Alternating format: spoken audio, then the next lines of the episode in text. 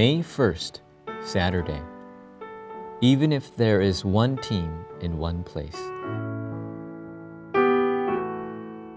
Luke chapter 10, verses 1 through 20.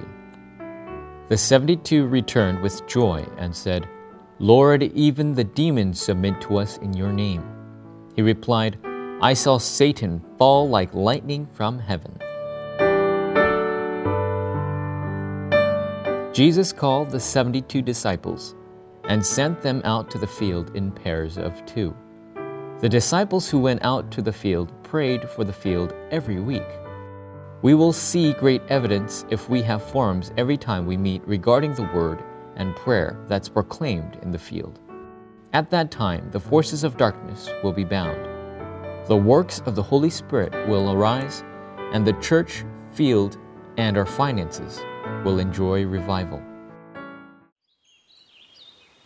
Number one, what must one team do after they choose a place and gather together?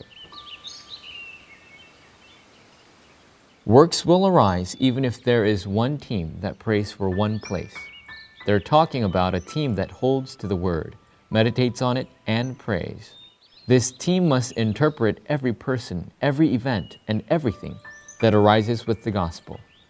They will see incredible evidence if they gather and share today's evangelism, word, and prayer.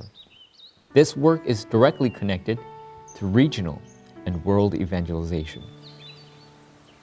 Number two, blessings of meetings will arise.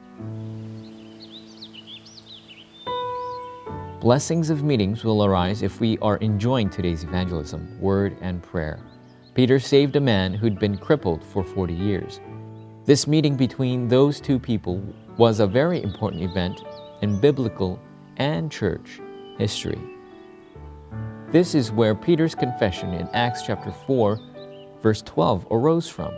The doors to world evangelization flew wide open when the ev- team of evangelists led by Paul began traveling to the field.